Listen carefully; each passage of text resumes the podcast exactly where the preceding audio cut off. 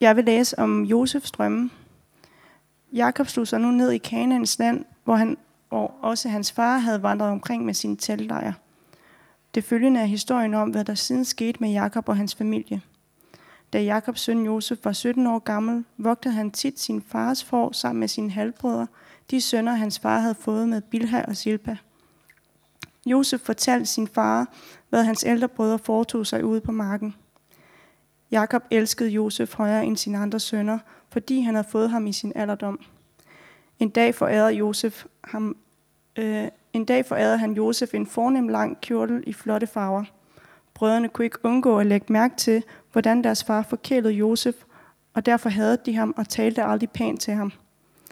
En nat havde Josef en mærkelig drøm, og han fortalte straks sine brødre om den. Nu skal I høre, hvad jeg har drømt, sagde han. Jeg drømte, at vi var ude på marken for at binde kornet til ne. Mit næ rejste sig op og blev stående, mens jeres næ, der stod rundt om mit, bøjede sig til jorden for det. Nå, du tror måske, du skal være herre over os, sagde hans brødre hånligt. På grund af den drøm havde de ham endnu mere. Senere fik Josef endnu en drøm fra Gud, og han fortalte den til sine brødre. Hør, hvad jeg nu har drømt, sagde han. Den her gang bøjede solen og månen og 11 stjerner sig for mig. Den sidste drøm fortalte han også til sin far, men hans far skældte ham ud. Hvad bilder du dig ind? Skal både jeg og din mor og dine brødre komme, øh, komme og bøje os til jorden for dig? Josefs brødre kunne ikke skjule deres misundelse, men hans far blev ved med at spekulere over, hvad hans drøm måtte kunne betyde.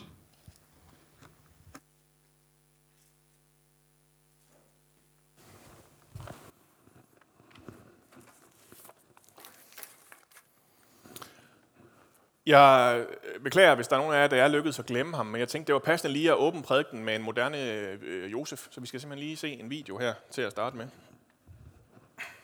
Nobody can do it like me. Nobody. Nobody can do it like me.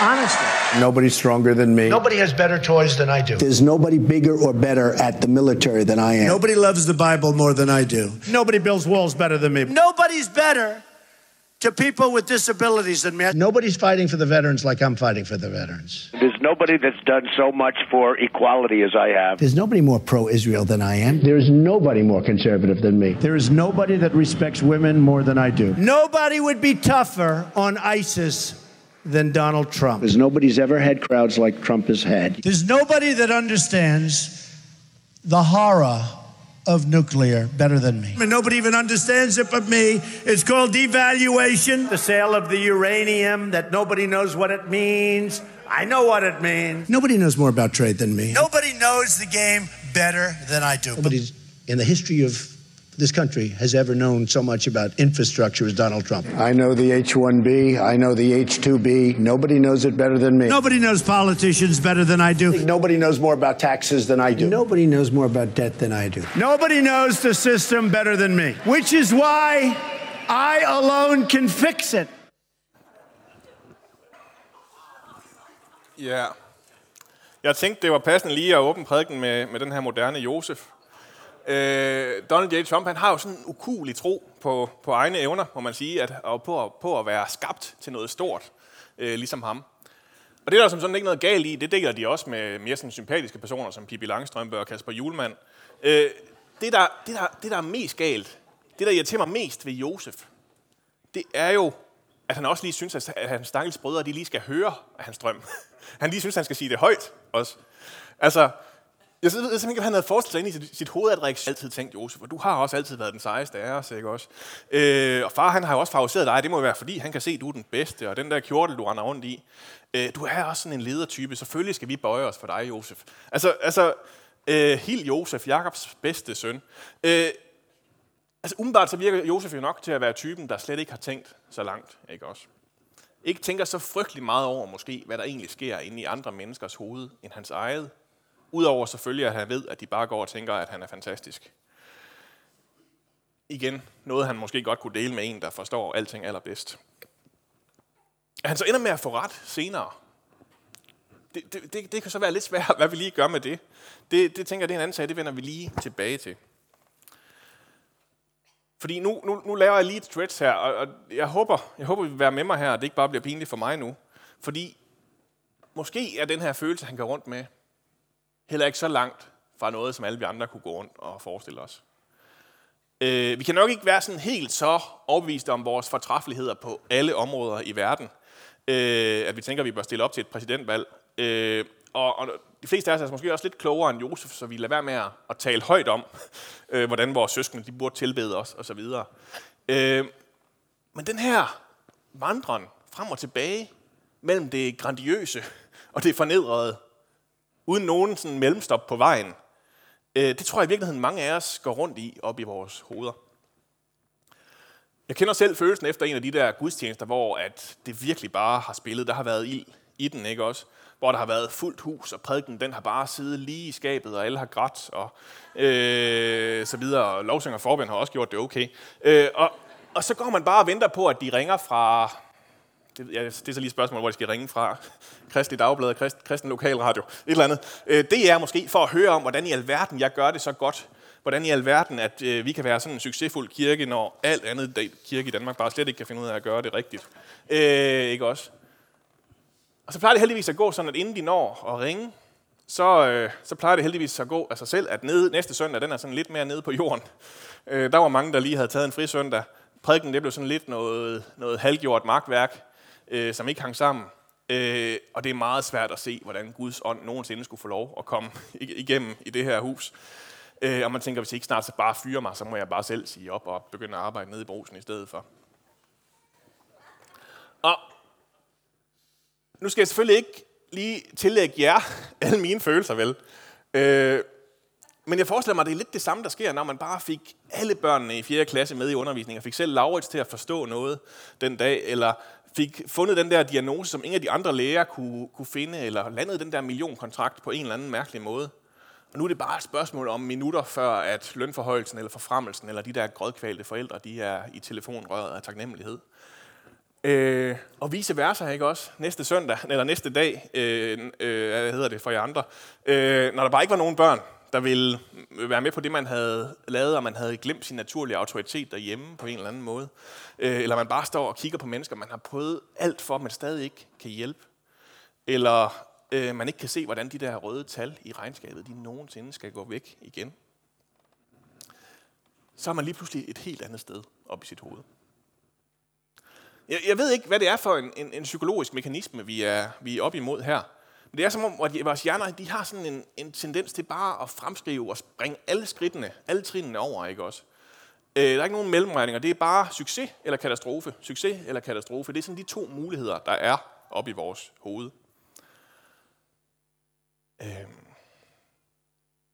Jeg, jeg ved ikke, om, om Josef han har fantasi til at forestille sig, hvad det er for nogle ture ned i kælderen, han skal ud på, før han ender med at få lov at stå der, som han har drømt og alle stjernerne de skal bøje sig ned foran ham, og han kan få lov at prøve, hvordan sådan noget faktisk er.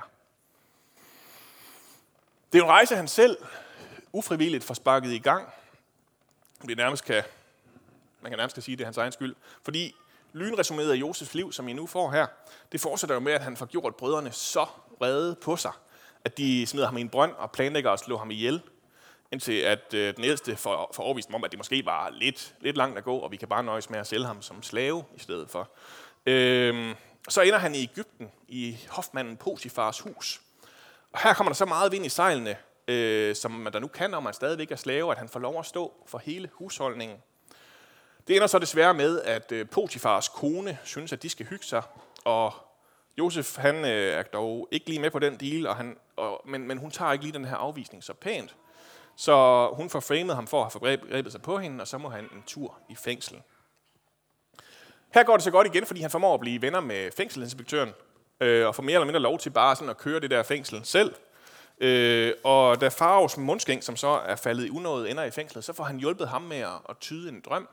Øh, og da mundskængen så bliver gensat, og Faros så får en drøm, øh, som ingen af hans i korps af drømmetydere, de kan tyde, Jamen så får Mundsken kommet i tanke om, fordi det havde han ellers glemt lidt, at han havde en ven der i fængslet. Hov, ham Josef, han kan måske hjælpe og få ham frem fra gemmerne. Og så går det meget hurtigt, fordi Farve han beslutter sig for øh, med det samme, at hvis man er sådan en dygtig drømmetyder, som i øvrigt også har nogle gode idéer til skattepolitik og nødlager for at komme igennem den her forestående hungersnød, der er blevet tydet, øh, jamen så må man også være en velegnet statsminister. Og så sætter han ham bare til at styre landet med det samme, og får indført nye politikker, øh, så vi kan få taget vores forholdsregler imod det her. Og Josef han ender så her med at blive den næstmægtigste i riget, i, i den tids allermægtigste rige. Øh. Og så er Josef jo ellers bare sådan made it, ikke? Nu er der ikke nogen brødre eller forsmåede fruer, der kan få ham ned med nakken længere. Endelig har han fået det, som verden skyldt ham. Hele vejen, nærmest udelukkende fordi, som, som der står et par gange i teksten, Herren var med Josef, så han havde lykken med sig. Bortset fra så, så under de episoder, hvor at han ikke rigtig havde lykken med sig, og tog en tur ned i en brønd eller i en, i en fangekælder. Helt genialt, så bliver det, da der en dag dukker 10 halvbrødre op for at tække korn, og de ikke engang kan genkende ham under al hans Ægypter makeup. Øh, og så kan han ellers lege den helt store omgang kisbus med dem, og bede dem om at bøje sig for ham et par gange, og så videre, og så videre. Til sidst, da hans helbror så også dukker op, hans lillebror, så stopper det alligevel med at være sjovt for ham. Og øh, han får sådan ligesom startet med at trække den helt ud i ekstremerne, og skal til at være helt sikker på, at han har fået hævn og truer med at smide dem alle sammen i fængsel. Øh, og da han så får gjort dem, så er det desperat og ked af det. Så det er ligesom om, så dør joken lidt øh, for ham. Og så bryder han selv sammen og græder og fortæller dem, hvem han er, og inviterer dem, hele familien, inklusiv gamle far Jakob derhjemme, til at komme til Ægypten og bo her og komme igennem hungersneden. Så det var Josefs liv. Josefs, Josefs liv. Øh, og nu bevæger jeg måske ud i, i noget sådan kontrafaktisk historieskrivning, som man jo egentlig skal lade være med. Men altså, kunne det ikke være gjort nemmere? Behøvede Josef igennem alle de her tragedier? Kunne han ikke bare være rendt ind i farve og tyde den der drøm for ham, uden at skulle overfaldes af sine brødre og sælges som slave og overfaldes af en, en, øh, en, en, en forsmået dame først og sættes i fængsel først? Kunne man ikke have sprunget alle de her led over? Hvorfor behøvede han alt det her bøvl på vejen? Nej, det, det kunne man måske ikke rigtig vel. Altså både fordi, at det ville være en, en frygtelig kedelig historie på den måde, men også fordi, at hvis man havde sat den her unge mand der godt kunne lide at underholde ved morgenbordet om, hvordan han havde drømt, at alle de andre skulle bøje sig for ham, til at regere hele Ægypten, så er det jo nok næppe gået lige så godt, vel? Josef han har så mange talenter, og har så meget held og Gud med sig, at han er nødt til at lære på den hårde måde, hvad det er, der gør en værdig til den magt og berømmelse, man får. Det er faktisk lidt, lidt tema igennem øh, hele historien af patriarker i første Mosebog, som vi har været igennem her. At, at de har skulle lære at halte, før de kan gå. I hvert fald hvis de vil gå på en måde, hvor de ikke tramper hele verden ned imens. Og det er jo frygtelig frustrerende, at den her lige vej hen til det, vi egentlig var skabt til, den ikke bare findes. At vi skal ud igennem alle de her omveje, det ser ud som om, vi ingen vegne kommer det meste af tiden. Endda. Nu vandrer min, min egen prædiken, øh, øh, måske som sædvanligt, lige på sådan en knivsæk nu, ikke også? Fordi jeg er ikke i gang med at bilde jer ind, at der bare er en eller anden højere mening med, når livet gør ondt. Men, men, men det jeg nok vil, øh, det er at have jer til at, øh, og have mig til at, at forsone sig med det vilkår, at livet ikke bare går fremad og opad. Og, og nu ved jeg ikke, om jeg strammer buen for hårdt, men måske endda også, at det er godt for os, at det ikke er sådan. For det er jo nemt nok at se med en, en, en narcissist som Josef, ikke også? Øh, og til synligheden har det stadig ikke været nok med, med en som Donald Trump, øh, med seks konkurser og nogle, nogle valg, han bare kan lade være med at sige, at han har tabt. Men, men for os andre, der er der ikke rigtig andre veje til at finde ud af, hvem vi er. Det kan vi nemlig ikke få øje på, når det hele bare går opad og fremad. Når der er alt muligt andet, der distraherer omkring os, som vi kan bilde os ind, at det er det, vi er, og det er det, vi er værd. Vi er nødt til at komme ned på bunden for at finde ud af det. Og efterhånden, som Josef han bliver sådan hævet mere ud af sin egen navle, tvunget af omstændighederne, så er det som om, at han begynder at få, kunne få øje på Gud også. Netop han i, fordi han nok først, også der i fængslet, bliver nødt til at forholde sig til, hvem han selv er, Udenom alle hans farvestrålende kåber og fars favoriseringer og alt det andet. Jeg har en øh, svensk religionspsykolog, som jeg er ret vild med. Øh, han siger i sit kapitel om, hvordan det er at være i mørket, at det er den grundlæggende betingelse for mødet med Gud, er menneskets radikale møde med sig selv. Ove Wikstrøm hedder han. Og hold nu op, hvor kræver det meget at få Josef derhen, hvor han faktisk møder sig selv. Og den erfaring, den går igennem hele første Mosebog, igennem hele den kristne erfaring. Der er ikke nogen vej udenom mørket, for at vi kan møde os selv, og for at vi kan møde Gud. Det er ikke det samme som, at det var meningen, og det her knivsækken kommer igen. Det var ikke, det, øh, det var ikke sådan, verden var designet. Paradis, det var uden øh, det her mørke. Der var der alt, hvad man skulle bruge. Der var vi klar til at vandre med Gud. Øh, og det er også det, vi tror på, at vi skal tilbage til igen, til igen til sidst. Men her i mellemtiden, der har vi brug for et fuldt liv. Et liv, der ikke bare er lyserøde skyer, men også har mørket som en del af vores grunderfaring. Det går faktisk så vidt i Bibelens fortælling, at selv Gud han tog den samme rejse. Paulus han beskriver det sådan her i Filipperbrevet kapitel 2.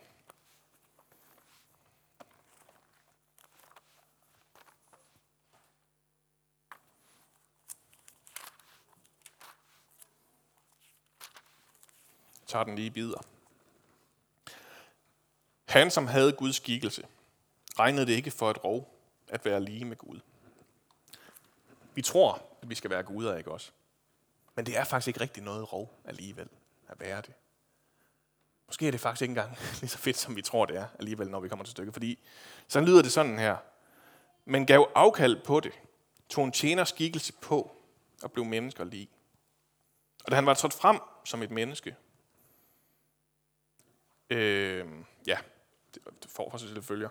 Så Gud han gav selv afkald på det her, blev et menneske, ligesom alle os andre. Men oveni så blev han også en tjener. Lidt mere et tilvalg. Gud han tog en helt anden rejse, end vi havde forestillet sig. Og da han var trådt frem som et menneske, ydmygede han sig og blev lydig ind til døden. Ja, døden på et kors. Det var ydmygende for Gud at blive menneske. Det bliver mere ydmygende for Gud at blive menneske. Og det gjorde ondt. Han døde af det. På et torturinstrument endda. Og så sker det. Vers 9. Derfor har Gud højt ophøjet ham og skænket ham navnet over alle navne. Og der, og der kommer det her derfor, som lige ikke lige skal lande rigtigt, ikke også? Det er der, hvor vores hjerner igen lige hopper lidt for hurtigt frem og tænker, at nu har vi luret, nu skal vi bare lige være ydmyge, og så ophøjer Gud os. Og så er der styr på det. Så bliver det fedt. Og vi tager måske nok del i øjebeholdelsen, men det gør vi, fordi vi følger efter ham på den her måde, som der står i vers 10-11. For at i Jesu navn hver knæ skal bøje sig i himlen og på jorden og under jorden. Og hver tunge bekende, Jesus Kristus er Herre til Gud Faders ære. Den her drøm, som Paulus har her, den venter også lidt på endeligt at gå i opfyldelse. For at hvert knæ, sammen med selv Josef, øh, alle knæ skal bøje sig. Og i den bevægelse, der er livet at finde. Ikke når de andre bøjer sig for os, men når vi selv bøjer os for Jesus.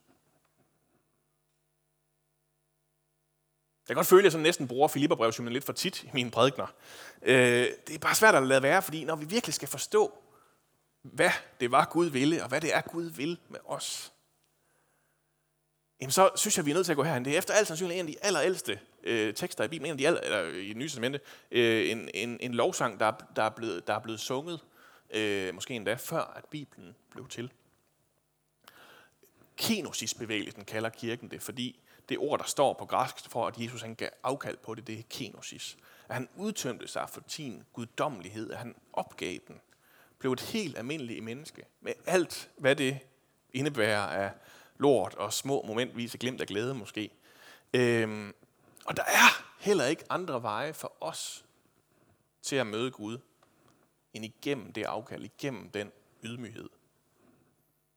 Tillært eller tvunget af omstændighederne. Gud møder mig ikke først, når jeg sådan lige har smidt alt bøvlet og smerten af mig, og er kommet op på klippetoppen, og nu er det hele godt. Nu er jeg blevet rig og rask nok til, at jeg kan fokusere noget bedre. Nej, Gud han møder mig midt i alt det, der er lort. Gud møder mig ikke i en eller anden perfekt sendtilstand, hvor at jeg har lagt alle hverdagens bekymringer bag mig. At Gud han møder mig lige der, hvor det er aller værst. Og så kommer derfor ind. Fordi det er sådan, vi bliver i stand til at se ud over os selv. Fordi det er sådan, Gud virker. Stik imod alt sund fornuft, og hvordan er det alle de andre guder, de siger, de virker. Øh, som, om, som vi føler, at verden burde hænge sammen. Det er ikke opad og fremad. Det er nedad for at komme opad.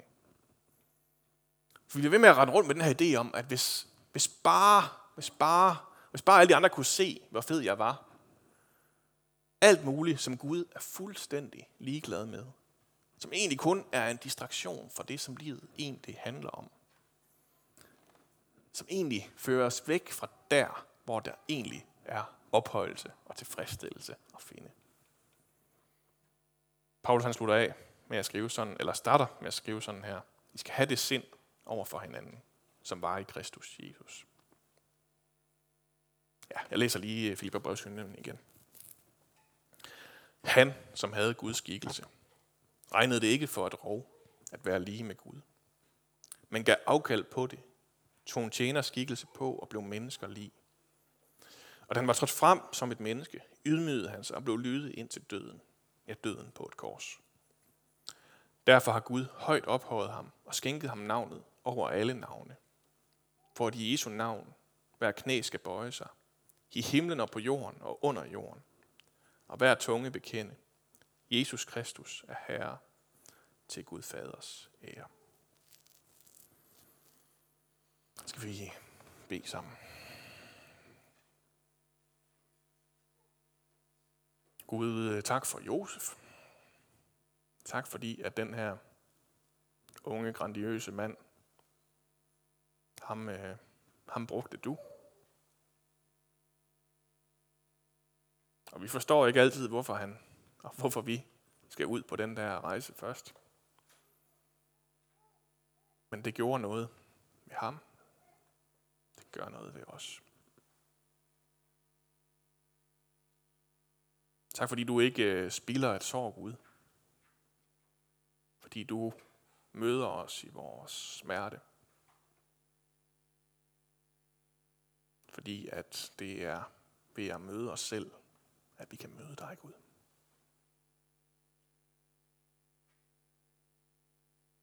Og tak fordi du selv viste os, hvordan man gjorde, du selv tog på dig at gøre det. Du gav afkald på din guddommelighed, blev menneske og blev en tjener. Ydmyget der blev lydig ind til døden. Og derfor så er du blevet ophøjet. Derfor så bliver vi ophøjet sammen med os, men ikke som vi tror. Ikke ved at stige op og sidde der på højre og venstre side, eller hvad vi nu forestiller os, men netop ved at bøje vores knæ for dig.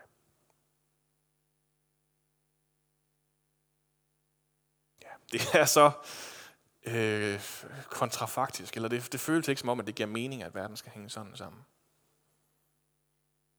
Det er det, vi tror på, far.